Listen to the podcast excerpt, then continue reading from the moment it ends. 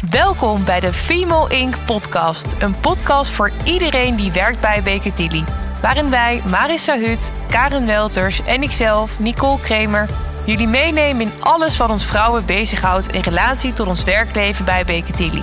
Niet alleen gemaakt voor vrouwen, maar juist ook voor mannen. Veel luisterplezier.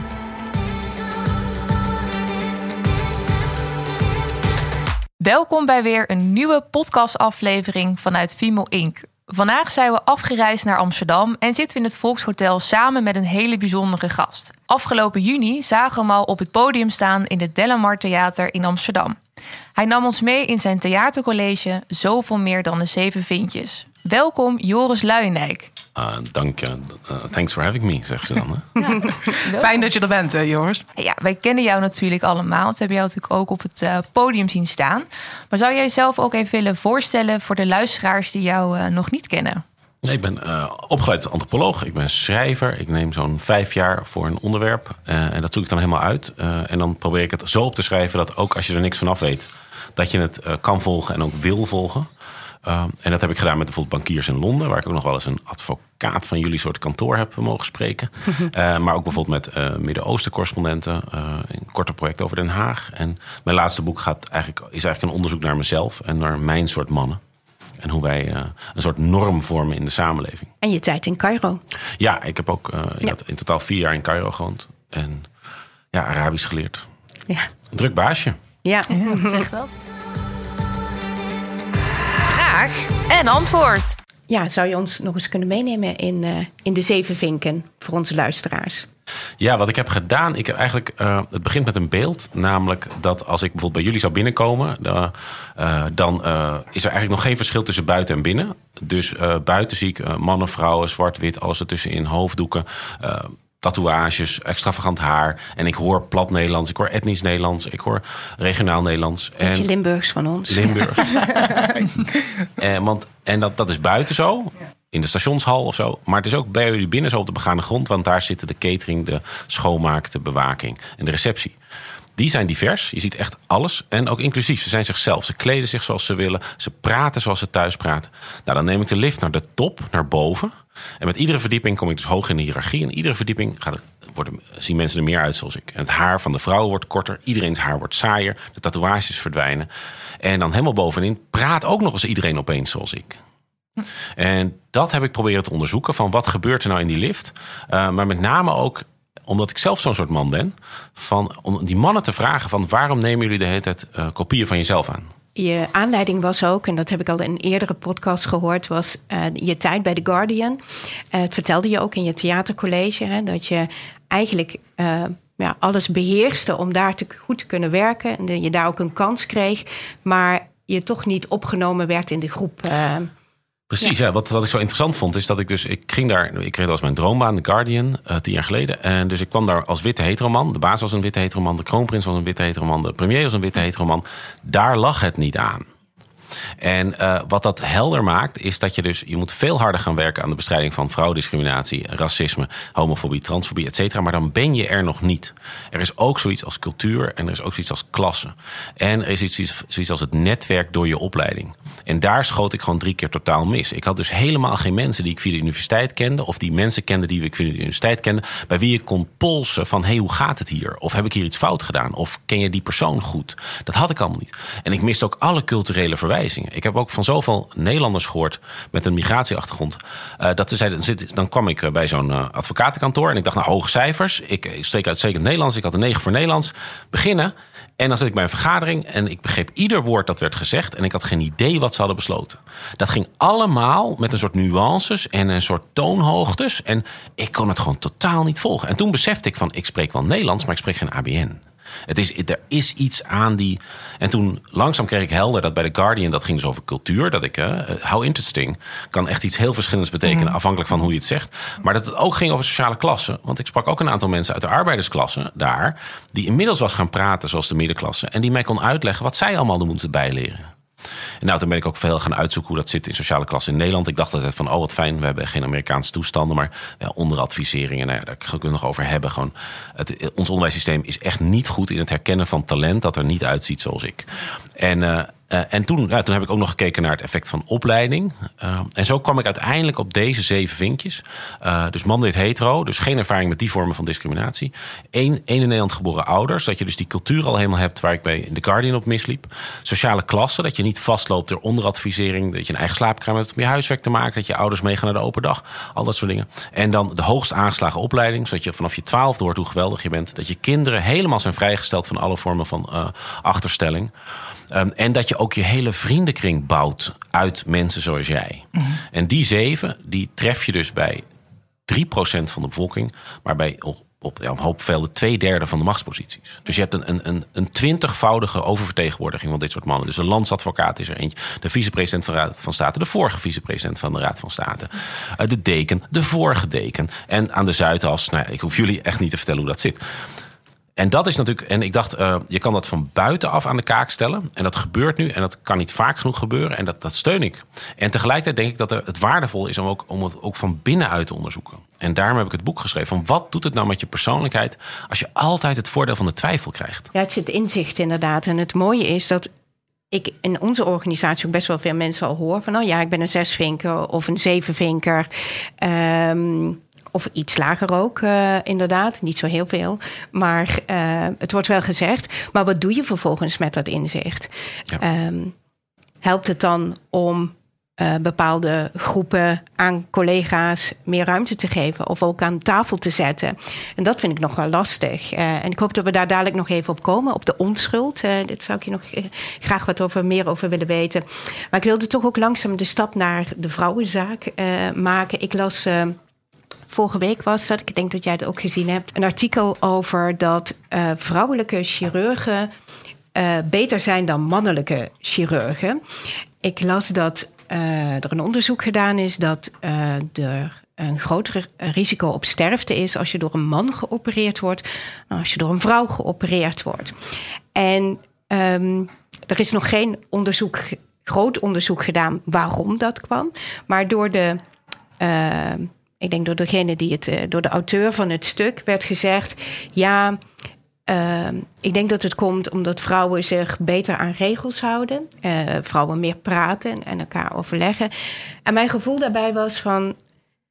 Uh, hoezo? Ik, vrouwen werken gewoon harder. Dat was, dat was het eerste wat het mij, bij mij opriep. Ik denk ook dat die vrouwelijke chirurg beter is, omdat ze harder heeft moeten werken. En dat is nog best ingewikkeld om dat af en toe uit te leggen. Ook als je uh, een andere afkomst hebt of een andere huidskleur hebt. Is dat je, ja, jij zei het zo mooi, van een uh, andere etage komt of een andere trap stapt. Hè? Dus het, dat je een andere kans hebt en dat je dus harder moet werken om bovenaan te kunnen komen. Ja, hoe minder vinkjes, hoe knapper je prestatie. Ja. Maar hoe kleiner je kans op promotie. Ja, ja. ja. En herken je dat dan? Dat nou ja, misschien. Het voelde voor mij in elk geval zo van ja, maar dat komt omdat ze harder werken. Herken je dat? Heb je dat ook al eens eerder gehoord dat dat reacties zijn? Nou, wat je, je ziet het heel goed als er profielen van tv-presentatoren. Ja. Uh, en dan als het dan gaat om bijvoorbeeld Eva Jinek of Umberto Tan, oh, dan zie je dat hun omgeving zich heel erg zorgen maakt dat ze zich niet kapot werken. Ja. Dan komen om drie uur s'nachts nog e-mails. Uh, altijd uitstekend voorbereid. En ik kan dat ook zien, want ik ben zelf presentator geweest. Je kan zien of een presentator is voorbereid. Uh, als je profielen leest van bijvoorbeeld Jeroen Pauw, uh, Boven Erve Dorens, uh, Jort Kelder, daar maakt niemand zich zorgen dat ze zich overwerken. En ik zie ook, als ik ze zie presenteren, denk je hebt geen idee. Maar je, bent, je weet zo dat je kan rekenen op het voordeel van de twijfel. Um, je kan zo niet worden weggezet als een dom blondje. Of als een hysterisch wijf. Of een, een uh, platpratende drammer. Of een overgevoelige homo. Of een onbetrouwbare jood. Mhm. Of een ondankbare allochtoon. Of een slecht geïntegreerde moslim. Of een onderdrukte moslim. Al die negatieve stereotypen. Die dus op iemand kunnen worden geplakt op basis van een groepskenmerk. Heb, passen niet op jou. Ja. En dus hebben ze ook een soort zorgeloosheid die ze ook als een soort kwaliteit ervaren. Ja. Dus waar mijn soort mannen ontzettend slecht tegen kunnen, is verontwaardiging. Ja. ja. Dan, ja. dat, ik weet niet of jullie het herkennen, maar je, dat, ja. dat, begint, dat begint met dat je niet meer gezellig bent. En daarna heet je een feminist. En daarna word je militant. En, en daarna hysterisch. ben je pittige tante. Ja. Via hysterisch gaan we naar de heks. Ja, precies. En er zijn geen pittige ooms. Nee. Niemand wordt ooit een pittige oom genoemd. En hysterisch is ook echt specifiek voor vrouwen. Ja. En dus dat, dat, dat, dat, daar kunnen we heel slecht mee. En dat is dus die zevenvinkje, die we ook heel erg zien in de politiek bij mensen als Mark Rutte. Gewoon een soort van, hey, gaat, goed, eh, gaat goed, wordt beter. Ja, voor jou gast. Het is ook, eh, de meeste mensen deugen van Rutger Brechtman ook zeven vinkjes. Ook dat idee van, ja Rutger, inderdaad. De meeste mensen deugen als ze met jou omgaan. Want je loopt niet, eh, Rutger, je loopt niet tegen seksisme op, niet tegen racisme op, tegen antisemitisme, islamofobie. Je hoeft je niet in te vechten in een andere cultuur, in te vechten in een andere sociale klasse. Ja, maar projecteer dat alsjeblieft niet op de, op de samenleving. En dat, dat heb ik wel veel gehoord. Dat mensen zeiden van met andere vinkjes, zeiden als ik uiting geef aan mijn verontwaardiging hoe het nu gaat, plaats ik mezelf buiten de orde. Precies. Dan ben ik boos. Ja. En wij willen prettig.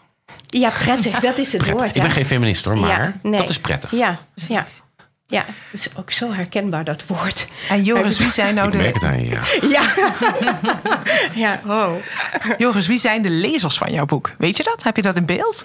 Nee, die- niet, niet geaggregeerd. Want je hebt het dan over zo'n 60, 70, 80.000 mensen. Dus daar, ja, daar komen, ik, ik heb nog nooit een boek geschreven waar zoveel reacties op komen. Uh, maar nou, dat is nog steeds, dat zijn ik, denk misschien duizend reacties of zo. Dus het, het landt ook gewoon heel verschillend. Kijk, als ik een boek schrijf over de bankiers in Londen, dan wordt het gelezen door allemaal mensen die geen bankier zijn in Londen. Zelfde informatiepositie. Maar hier, je hebt zoveel verschillende combinaties van vinkjes. Uh, dus dat, dat landt gewoon heel anders. Maar ja, sommige mensen zeggen van ik ben, ik ben in therapie gegaan, ik ben in relatietherapie gegaan, ik heb ontslag genomen. Ik heb een, uh, mensen die echt grote stappen maken. Ik denk wat ze zeggen als ze dus echt andere vinkjes hebben. Want ze zeggen van ik vermoedde altijd al dat ik bij die sollicitatie er alleen zat, zodat ze konden zeggen dat ze ook naar een vrouw hadden gekeken. En als er dan iemand komt uit de normgroep die zegt ja, zo gaat het, zo gaat het heel vaak, uh, dan kan ik eindelijk rouwen kan ik eindelijk bij die pijn eigenlijk, omdat ik dus nu eindelijk zeker weet dat die er, dat die er terecht is. En dan kan ik ook door. Dit is niet dat ik ben niet de Messias die mensen uit de woestijn leidt. En dan gaan ze gewoon door naar de volgende pijn. Maar het, het, het is weer een stapje. Ja. Maar bijvoorbeeld zeven vinkjes die zeggen van... ja, nee, het is, het is echt super pijnlijk. Ik moest het lezen van mijn vrouw. Ik had er helemaal geen zin in. Ik heb het ook drie keer weggelegd. Maar ja, ik ben ook zo iemand. Ja, ja, ja.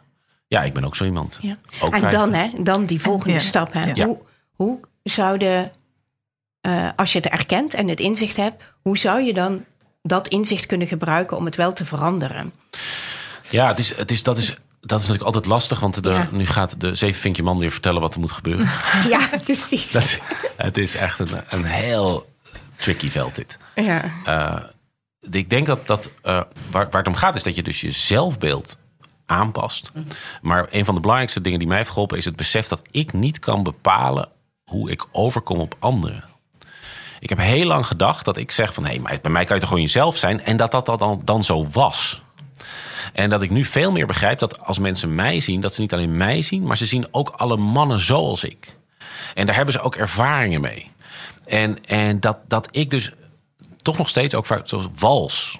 Dus dat je, nou, dat valt toch wel mee, bijvoorbeeld. Dat zeg je zo snel, dat je het niet kan weten. Hoek, Wopke Hoekstra, ook zeven vinkje, die krijgt een minister van Buitenlandse Zaken, komt een rapport over racisme buitenlandse zaken. En zijn Ja. eerste reactie intern is: dit is geen goede onderzoeksopzet. En extern is: ik kan me niet voorstellen dat dit zo is. Het is ook zo dat hij zich niet kan voorstellen dat het zo is, want hij is een witte man, dus hij kan niet weten of er racisme is. Dat betekent dus dat je een team moet hebben waar een paar mensen in zitten van kleur die meteen kunnen zeggen: nou, ik heb even gekeken wie ze hebben geïnterviewd. En nou, een aantal mensen, dat zijn echt mensen die volgens mij gewoon niet functioneren en nu racisme gebruiken als excuus. Maar deze, deze, deze, deze. Bovendien, als je kijkt naar de, de dan is hier echt iets aan de hand. Ik heb namelijk ook wat meegemaakt en daar wil ik je eigenlijk nu best wel een keer over vertellen. Daarom, en het gaat dus om, uh, wat je veel ziet bij Zeven Vinkje Mannen, is dat ze dan zeggen van oké, okay, dan voel ik me iets schuldiger. Ja. Ik wist al wel dat ik me schuldiger moest voelen, ga ik me nu nog wat schuldiger voelen. En als ze ook rechtvaardigen waarom ze niet komen naar mijn verhaal, zeggen ze: Ja, ik heb geen zin om me schuldig te voelen. En dan denk ik: Ja, ik heb ook geen zin om me schuldig te voelen. Het gaat niet om schuldig, schuld, het gaat om gebrek aan levenservaring. Je moet onder ogen gaan zien dat, je, dat 80% van de bevolking een ervaring heeft die jij niet hebt, namelijk uitsluiting. En dat jij dus ook eigenlijk in je vorming tekort bent gekomen. Dat dat niet tegen je werkt, is omdat iedereen om je heen tekort is gekomen of doet alsof uh, dat zo is. Ja. Dus zes vind je mannen die dan uit de arbeidersklasse die anders zijn gaan praten en helemaal doen alsof ze ook mijn soort jeugd hadden. Want dat is een soort norm. In plaats van dat ze trots zeggen van... nou ja, gast, ik, jij had een moeder die Nederlands gaf. Ja, dan, dat je dan schrijven wordt, is nog steeds knap hoor. Maar ja, de. Kijk, mijn ouders waren gescheiden, laag geletterd. Ik moest mijn kamer delen met een zus. En ik zit nog steeds hierbij, bij dit advocatenkantoor. Ik ben echt wel beter. Dat zou je eigenlijk in Amerika te zien verwachten. Maar dat doen ze niet. Uit alle macht verbergen ze voor hun collega's... dat ze uit zo'n milieu komen. Ja. Dat is echt ook heel apart natuurlijk. Hè? En dat, daar zie je die norm. Je niet, wil niet te erg afwijken van de heersende norm natuurlijk. Dus dan ga je maar conformeren naar je norm. Ja. Maar ik kan me heel goed voorstellen dat je dan ook echt wel een, een, nou ja, een stuk voor jezelf ook al verliest eigenlijk. Dat hoor je dus dus hele tijd van ik moet zo vechten. Iedere keer als ik dat gebouw binnenstap, dan is het alsof ik een soort zwaar harnas aan moet doen. En mijn omgeving ziet het niet eens, snapt het niet eens. En dan denk je dus ook van wat een potentieel is er nog. Wat een reservoir aan energie is er nog als dat niet meer hoeft te gaan naar die aanpassing. Ja. Ja. En hoe, hoe kijk je naar vrouwen? Wat zouden wij kunnen doen? Wat zouden wij kunnen doen om. ehm, Of het harnas uit te laten. ja, Of, of Nou, het is, het is, ik aarzel om dus aan mensen met andere vinkjes Ja. te vertellen wat ze moeten doen. Ja, maar dat zei ik, je net, Ik ja. kan wel iets zeggen over wat, wat jullie kunnen doen tegenover mannen. Mhm. Is namelijk om te zien dat dat patriarchaat. eh, nu ben ik een paar lu- luisteraars kwijt, maar zo heet het toch echt, lieve mensen. Dat was het apartheidssysteem dat we de afgelopen paar duizend jaar hadden. Waarbij als bij de geboorte bleek dat het een meisje was, we direct besloten dat dat, dat kindje voortaan niet meer mocht worden opgeleid, zich niet mocht ontplooien. Dat we ook geen onderzoek gingen doen naar haar lichaam, zodat we ook de medische stand, de medische wetenschap ontzettend achterloopt. Dat systeem van patriarchaat, die apartheid, die we tot 1974 hadden. Mijn moeder is hier om de hoek in, in 1971 op een haar na ontslagen omdat ze mij kreeg. ja. Dat mocht toen nog gewoon. Nou, dat, is, dat patriarchaat, dat onderdrukt ons mannen ook. En hoe doet het dat? Dat wij altijd moeten doen alsof we alles kunnen en of we niks voelen. Wanneer jij als jongetje, als man, aangeeft dat, dat, dat iets je niet lukt, of aangeeft dat je ergens erg mee worstelt, dat je daar hele moeilijke gevoelens bij hebt, dan komen ook een boel vrouwen je even vernederen. En het veel te veel diversiteit en inclusie, vind ik, het bestaat uit het vernederen van mannen die wel zijn gekomen.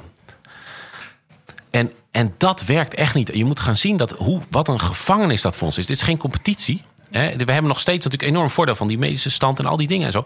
Maar wij zijn extreem kwetsbaar langs een hele andere as. Op het moment dat wij moeten toegeven dat we iets niet kunnen, of dat we echt heel erg worstelen met bepaalde donkere gevoelens, dan dondert onze status naar beneden. En ik merk het ook bij praatjes, als ik dan bij de, bij de mensen langskom. En dan, dan heb ik mijn verhaal gehouden. En dan eh, de vragen, de eerste vijf vragen zijn mannen. Altijd.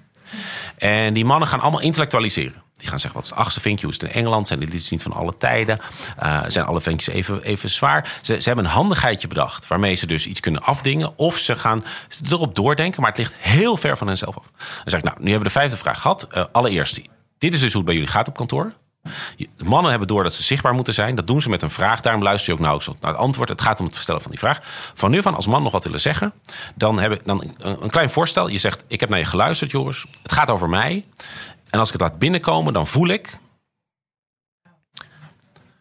Wordt dat gedaan dan? Nee. Nee, dat Nee. kunnen ze niet. Nee, dat is lastig. Ja, maar nu lach je. Ja, ja. Maar dat, is dus, dat zit ons dus enorm dwars. Dat zit ons dwars in onze Ja. relatie met onze partner, met onze kinderen, met onze collega's. Wij kunnen dat helemaal niet. We hebben drie standen. We hebben kwetsbaar, onzichtbaar, zichtbaar. En wij zijn liever onzichtbaar dan kwetsbaar. Maar dat is wel omdat we door ons leven heen hebben geleerd wat er gebeurt als we kwetsbaar zijn. En dus dat. Dus ik denk, totdat mannen gaan zien hoe ze zelf ook in een keurslijf worden gedrukt door dit, door dit systeem, gaan ze ook, ja, kunnen ze ook nauwelijks helpen. Want ze moeten bijvoorbeeld, wat eigenlijk vrouwen nu zeggen, is, is erken nu eens je onmacht. Erken nou eens je onmacht om te zien dat ik zeker zo'n goede leider ben dan jij, maar op een hele andere manier. Dat ik dus niet op een epische manier een, een totaal uit de hand gelopen conflict beslecht. Maar dat ik dat conflict in de kiem smoor. Door ontzettend handig naar mensen toe te gaan. Naar ze te luisteren. En dan al mijn emotionele intelligentie te gebruiken. Om te zorgen dat dat hele conflict niet ontstaat. Dat is een hele andere. Jouw onmacht zit erin dat je alleen denkt. Een goed iemand is iemand die bij iedere bijeenkomst een vraag stelt. Iedere vergadering aan het woord is. Maar een man die dat toegeeft, verliest meteen status. Daar zit heel veel op, op vast. Emancipatie voor mannen. Ja, ja, ja. Ja. emancipatie voor mannen. Dat, eh, En ja, het is, ik op. dus Ja. wij, kunnen, wij kunnen jou op een cursus ruimte nemen sturen. Maar er zijn niet eens cursussen voor ons om ruimte te geven. Wauw. Is dat misschien een volgend boek, Joris? Ja, ja ik weet het. Het, het is, ja, het, eh, ja, wie weet. Ik kan me voorstellen dat je nog niet klaar bent. Nee, ik denk wel dat sommige dingen lenen zich beter voor een boek dan andere. En dit soort dingen merk ik ook dat, dat het in de vorm van bijvoorbeeld podcasts misschien wel beter werken dan ook dan boeken. In dat opzicht. Uh, maar dit is, ja, dit is echt een, echt een groot ding. En uh, Aldit Hunkar, de oud-presentatrice van het Nationaal... die heeft het woord demancipatie bedacht. Ja. En dat had ik in die ding ook verteld. Van, dus inderdaad, dus, dus emancipatie is dat jullie allemaal de kans krijgen te worden zoals ik. Uh, demancipatie is dat we een samenleving hebben... die ontworpen had kunnen zijn door een vrouw. En dat is echt interessant om daarna over na te denken. Dus Ja. dat, dat betekent dus dat bijvoorbeeld de overgang niet iets is... wat je verbergt voor je collega's. Dat is, echt, dat, weet je, dat is echt zo, zo groot dat ook een menstruatiecycli... dat het niet iets is wat je verbergt voor je collega's. Want een samenleving die ontworpen had kunnen zijn door een vrouw... had daar vanaf in het DNA... Ja, Houd zeker. daar hadden we nooit gewerkt als we menstrueerden, bijvoorbeeld. Nou ja, in Spanje is er Voilà. wetgeving voor. Hè? Dus, Ja. eh, dus daar zijn ze al verder. weekends gaan heel erg terug op fysieke arbeid... van waar je van, waar je van moet uitrusten. Ja, het is echt een heel interessant gedachte-experiment... van wat als er alleen vrouwen waren. Ja, En hadden we dan ook een systeem waarbij je dus zorg voor je eigen kind niet wordt betaald... maar dat van, van anderen wel. En ja. We zorgden de mannen voor de kinderen. En werkten we in het weekend. Ja, heel veel van dat soort mogelijkheden. Ik denk dus ook dat eh, als je het bijvoorbeeld hebt, ik hoor veel van vrouwen die zeggen: ik wil aangenomen worden op mijn kwaliteiten.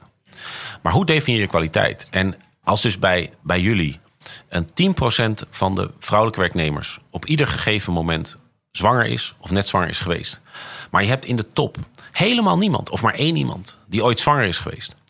Het, het volbrengen van een zwangerschap, dat heb ik een paar keer van dichtbij mogen zien.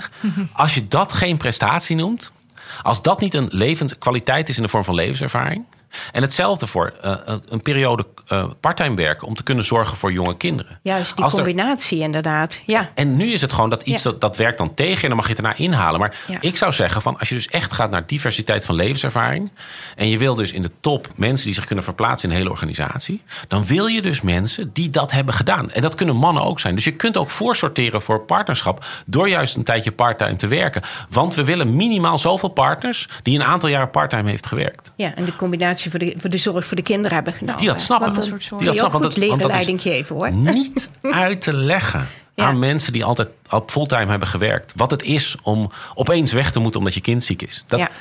Misschien gaan we dan zelfs wel iets doen aan een systeem waarbij je als je kind ziek is opeens eh, dat alles uit je handen moet laten vallen. Dat Ja. is ik ook echt zo'n ontzettend stupide systeem. Ja, ja, dat er niet voor gezorgd wordt. Ja. Ja, Ja, en dan s'avonds te gaan over, eh, overwerken om je tijd te compenseren. Dus je werkt aan één stuk door. Ja, En je hebt nog natuurlijk ook nog de situatie waarbij je voor je ouders moet gaan zorgen.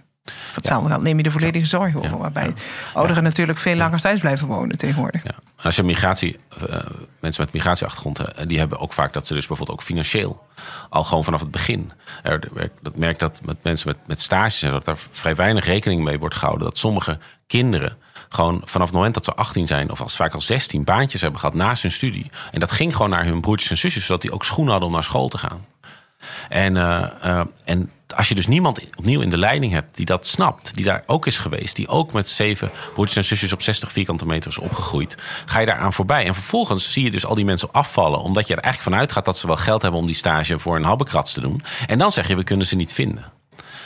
En het gaat je dus. niet goed. Toch? Dus wat zei De vraag is ook waar je dus zoekt. Waar je kan zoekt. ze niet vinden, maar de vraag is Ja. waar zoek je en dan? waar in de pijplijn zoek je? Precies. Dus ik was in Delft en daar stelden ze vast dat dus heel weinig studenten van kleur. Eh, en toen hadden ze uitgezocht dat op de middelbare school heel weinig studenten van kleur eh, een exact profiel kiezen. En dan kan je dus zeggen, ja, dat ligt niet aan ons. En dat is ook zo. Maar je kan ook zeggen, nou, dan gaan wij dus de studenten van kleur die we hebben, die geven een baantje waarbij ze naar scholen gaan. En laten zien, kijk eens, je kan prima een grote zwarte man zijn en de beste in natuurkunde. Dan ga je dus gewoon, je gaat terug naar, in de pijplijn tot het punt dat de uitsluiting nog niet plaatsvindt. En daar stap je naar voren. dat is ook een goede Ik tip. denk dat jij ons een hele waardevolle tip hebt gegeven. Ja. Ja. Joris, kijk naar onze eigen organisatie waar we mee bezig zijn met voorsorteren om echt meer vrouwen aan de top te krijgen. En inderdaad niet alleen de factor kwaliteit, even tussen aanhalingstekens, maar dat ziet nu niemand natuurlijk. Eh, want ja, wat is zo'n kwaliteit? Door wie wordt kwaliteit be- bepaald? Nou ja, als het door de normgroep bepaald wordt, is het heel lastig voor ons om daaraan te voldoen. Ja, Ja, en dat vind ik ook het probleem met kansengelijkheid. Dat is Ja. heel vaak van iedereen moet gelijke kansen krijgen om te voldoen aan een norm waar ik met mijn achtergrond, mijn nest, mijn opleiding en mijn lichaam al van nature aan, aan voldoen. En dan win ik altijd. Het is ook met bijvoorbeeld eh, zichtbaarheid, die cultus van zichtbaarheid. Dat, dat als ik aan zalen vraag van, krijgt hier iemand wel eens te horen dat ze best wel wat zichtbaarder mogen zijn?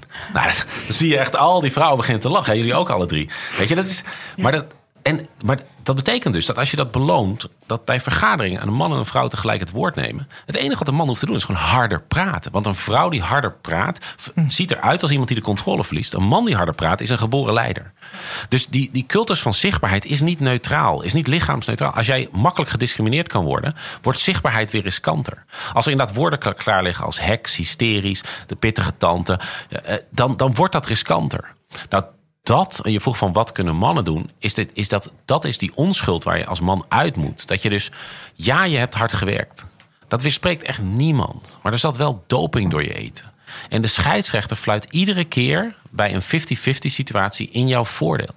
Wat ik veel hoor van mensen met uh, andere vinkjes die bijvoorbeeld ook in jullie uh, bedrijfstak proberen door te dringen. Dat ze zeggen van het is, het is, dan maak ik een fout en die wordt gewoon veel minder vergeven. Je ziet gewoon dat die zes, zeven vinkjes, die komen met zoveel weg. Dus het is niet zo dat ik geen fout heb gemaakt. Maar het is wel zo dat mijne zoveel zwaarder wordt aangerekend. En daar zit heel veel. Ja, ik vind ook dat, dat wat je net zegt, hè, dat, uh, dat vind ik best een lastige discussie. Ik zei, ja, maar uh, dat uh, een, de mannelijke collega zei van... maar luister, ik heb ook het snot voor mijn ogen gewerkt. Ja, ja. En het, ja, maar dat misken ik helemaal niet. Nee. Dat geloof ik ook echt. Nee. Ja. nee, dat had ik ook. eh, Leer maar eens Arabisch. Weet je, dat, is echt, dat, Ja. dat doe je niet even. Nee, precies. En eh, ja, vaak ben je ook nog, heb je ook nog eens drie jaar in Groningen gewoond waar je werd gepest en zo. Eh, maar het, het, het interessante is aan wetenschappelijk onderzoek naar witte mannen met andere vinkjes. Dus bijvoorbeeld homoseksueel of uit Polen of uit de arbeidersklasse, laaggeletterde ouders. Die kunnen veel vaker erkennen dat ze voordeel hadden van dat ze man waren en wit. Omdat ze ook hebben gezien waar ze dat voordeel niet hadden. De problematische groep is die overal het voordeel heeft. Die dus helemaal dat niet kan inschatten. En dat vind ik ook zo interessant aan zes vinkje vrouwen, waar ook maar 3% van is. Dat is ook gewoon een hele, hele kleine categorie. Eh, dat die veel makkelijker kunnen schakelen, valt mij op. Want ze hebben toch al heel vroeg in hun leven die ervaring van... wat nou, wees jezelf, doe je best en het komt goed. Dat is helemaal niet zo als ik een meisje, als, als meisje. En dat die, als je die ervaring mist... Het gekke is natuurlijk dat je de mensen die die ervaring hebben... dat is zo'n 80% van de bevolking volgens deze vinkjes... die noem je minderheden. En mannen zoals ik, die noem je representatief. Ja, Ja, dat is. dat is niet echt een representatieve groep bij een steekproef, bijvoorbeeld. Ja, representatief waarvan? Van die norm. Ja, van die norm. Van die norm. Enkel Ja, van die ja. norm. Maar er is dus ook echt verlies voor ons. Dus dus ik, ik word echt een beetje moe van die 1 en 1 is 3 eh, win-win-achtige verhalen. Die soort happy diversity. eh, dat is echt niet zo. Er zit echt verlies in als je gewoon gewend bent dat je altijd ongefilterd alles eruit kan gooien. Dat je ervan uitgaat dat het allemaal eerlijk was en dat jij dus terecht bovenaan zit. En dat moet je allemaal prijsgeven. Dat zie je ook op collectief niveau met Nederland. We hebben zo'n zelfbeeld. We zijn tolerant en we zijn gelijk. Dat is allebei niet waar. Maar dat vinden we zo moeilijk toegeven. Terwijl als je naar Engeland gaat en je zegt... hé, hey, het is ongelijk hier, zeggen mensen de. Als je naar Egypte gaat en je zegt... hé, hey, het is tering discriminerend hier. Christenen mogen allerlei dingen niet. Zeggen ze de, we zijn een moslimland. En die hebben daar geen moeite mee. Maar wij hebben dat zelfbeeld. En dan binnen Nederland heb je dan onze groep... die het helemaal heeft. Dus ja, Gloria Wekker noemt dit eh, witte mannentranen. Ehm, en het is ook niet mijn bedoeling om dus weer dat, dat, dat podium zeg maar, te monopoliseren met een soort van kijk eens hoe zielig wij zijn. Maar veel meer van, van kijk eens, zo- lijkt het te werken als ik vanuit een normgroep kijk. ja, Nou, dank. Dank, dank Joris. Ik denk dat we echt nog eh, uren over dit onderwerp Zo. door kunnen Ja. praten. En we ook echt, eh, ja, zeker wel heel gefascineerd eh, aan het luisteren zijn. Mag ik een vraag aan jullie stellen? Zeker. Altijd. Als jullie nou een, een zeven vinkje of zes vinkje man eh, treffen die, die echt het probeert. Wat maakt dat zo'n man op een gegeven moment wel uit zijn groep durft te stappen? En dus die zelfkennis op gaat zoeken. Nou, we hebben. ehm, ik heb misschien wel een voorbeeld. Eh, over een collega, de man die eh, eh, ook die post zette op LinkedIn, die in jouw theatercollege geweest is. Mijn collega Maarten. En ehm, hij gaf aan, hè, en ik denk ook dat hij dat vaker aangeeft, van ik heb dat inzicht, maar ik herken het niet altijd. En, maar hij doet nu dingen waardoor ehm, nou, hij, hij, hij appt ons, hij mailt ons eh, interessante kansen. Dus bijvoorbeeld dat eh, Marissa en ik spreken voor studenten. Ehm, en ja, dat vind ik echt heel erg goed. eh, dat is echt, ja, het is ook heel erg fijn. ja, het voelt niet als, als, als je dat bedoelt wat je net aangaf, hè, voor... ehm, dat het voor hem heel erg lastig lijkt dat hij zijn harnas eh, af moet werpen of zo. Ja. Dat, eh, hij doet dat gewoon. Hij is al best ver. Ja, dat denk ik. Ja, ja, En dan vraag ik me dan af, waarom, waarom hij dan? ja, Hè, dus wat, ja. als ik zelf naar ze, dat van ze vraag, dan is het vaak dat ze bijvoorbeeld een partner hebben van kleur. ja. Dus dat ze aan hun kinderen gewoon zien van, oh nee, het is echt. eh, Of een eh, neurodiverse, neurodivers kind, Mhm. autisme of zo. Dan val je ook natuurlijk heel erg buiten een soort neurotypische norm. Of Ja. een kind dat bijvoorbeeld lesbisch is. Ja. Of dus ergens heb je gewoon bij iemand van je echt houdt gezien van ja.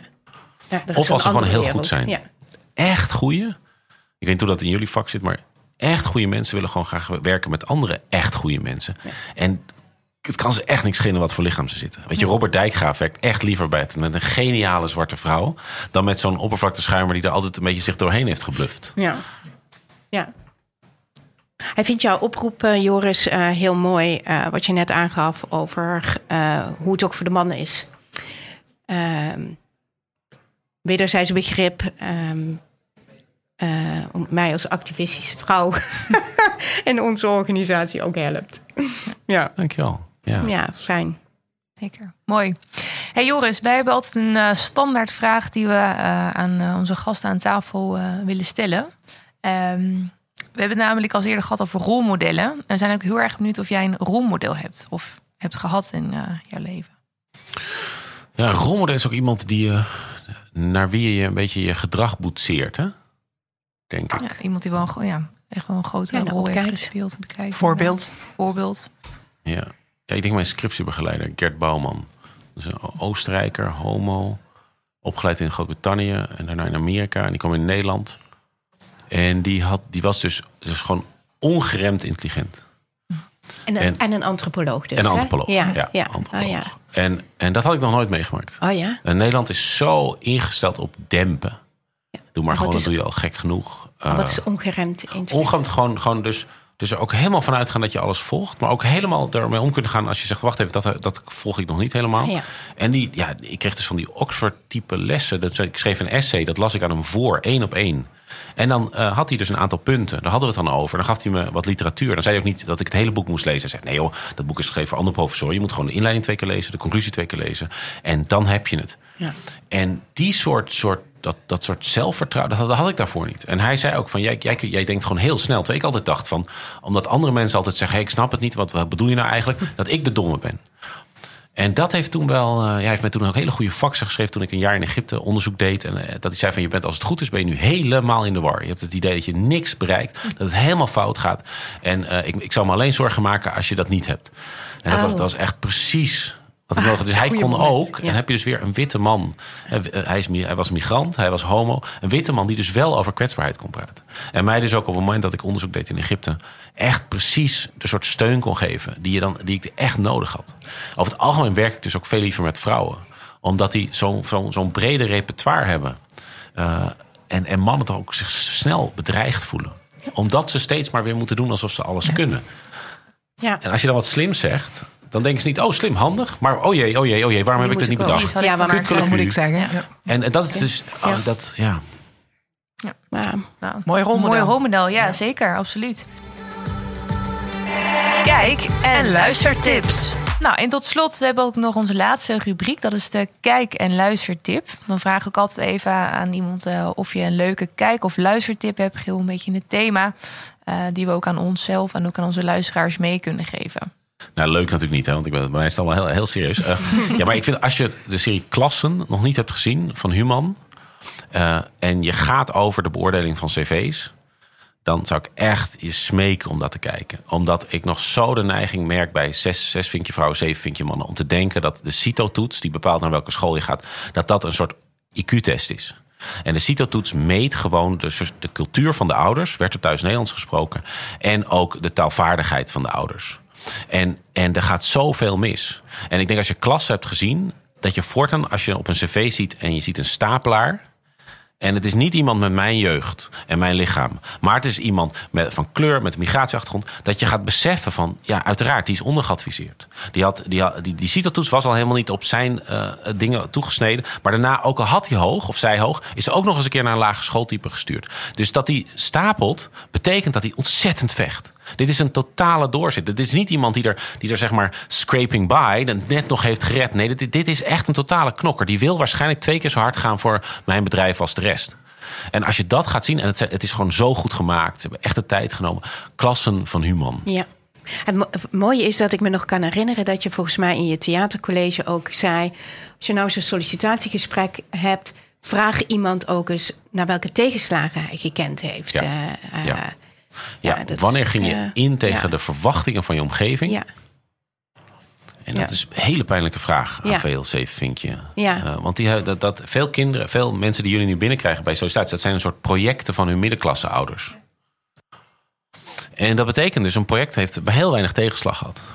Uh, en heel weinig ingaan tegen de verwachtingen van de ouders. Dus als jij bijvoorbeeld, uh, je, ouders, je, je, je, ouders waren medici en jij bent naar het MBO houtbewerking gegaan.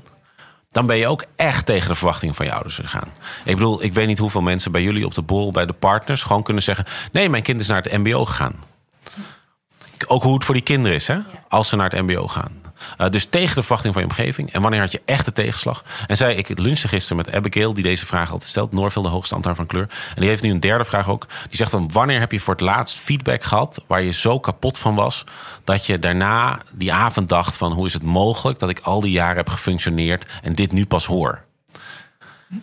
Ik denk dat we deze drie vragen ja, uh, kunnen opnemen en het standaard lijstje uh, kunnen schrappen met opleiding, inderdaad, ervaring, bestuursjaren, commissies, dat soort En zelfreflectie. Die derde vraag gaat over zelfreflectie. Ja. En ik denk dus als mooi. je uitsluiting ervaart, dan komt er zelfreflectie op gang. Omdat je denkt, wacht even, als dit niet klopt, als de samenleving zegt, wees jezelf, doe je best, komt goed en het klopt niet. Wat klopt er dan nog meer niet? Hoe moet ik me aanpassen? Hoe werkt het hier? Hoe kan ik improviseren? Hoe zet ik door? Hoe sta ik op naar een klap? En al dat soort dingen komen op gang dankzij afwijking van de norm. Dat is dus heel gek als je naar je kinderen kijkt. Want je wil ze eigenlijk beschermen voor pijn. Mm-hmm. Maar het is juist in die pijn ook, in dat knokken om in een andere cultuur door te krijgen hoe het werkt, dat je ook echt vol gaat bloeien. En dus als je een achterstand inhaalt, wordt het een voorsprong. Ik ben ook echt tegen lage kwaliteitseisen. Maar ik vind als iemand die kwaliteitseisen haalt met hele andere vinkjes, nou dan willen we graag een fast track naar de top. Want die persoon moet wel echt verschrikkelijk goed zijn. Wauw, ja, dank. Ik denk dat we met deze mooie woorden gaan ja. uh, afsluiten, Joris. Uh, ik wil je voor hartelijk bedanken dat je bij ons bent aangeschoven. Graag gedaan. Het is onwijs leuk om dit uh, met jou te doen. Super ook Marissa, tof. Karin, bedankt. En ook jullie luisteraars om weer te luisteren naar een mooie podcastaflevering. Dankjewel.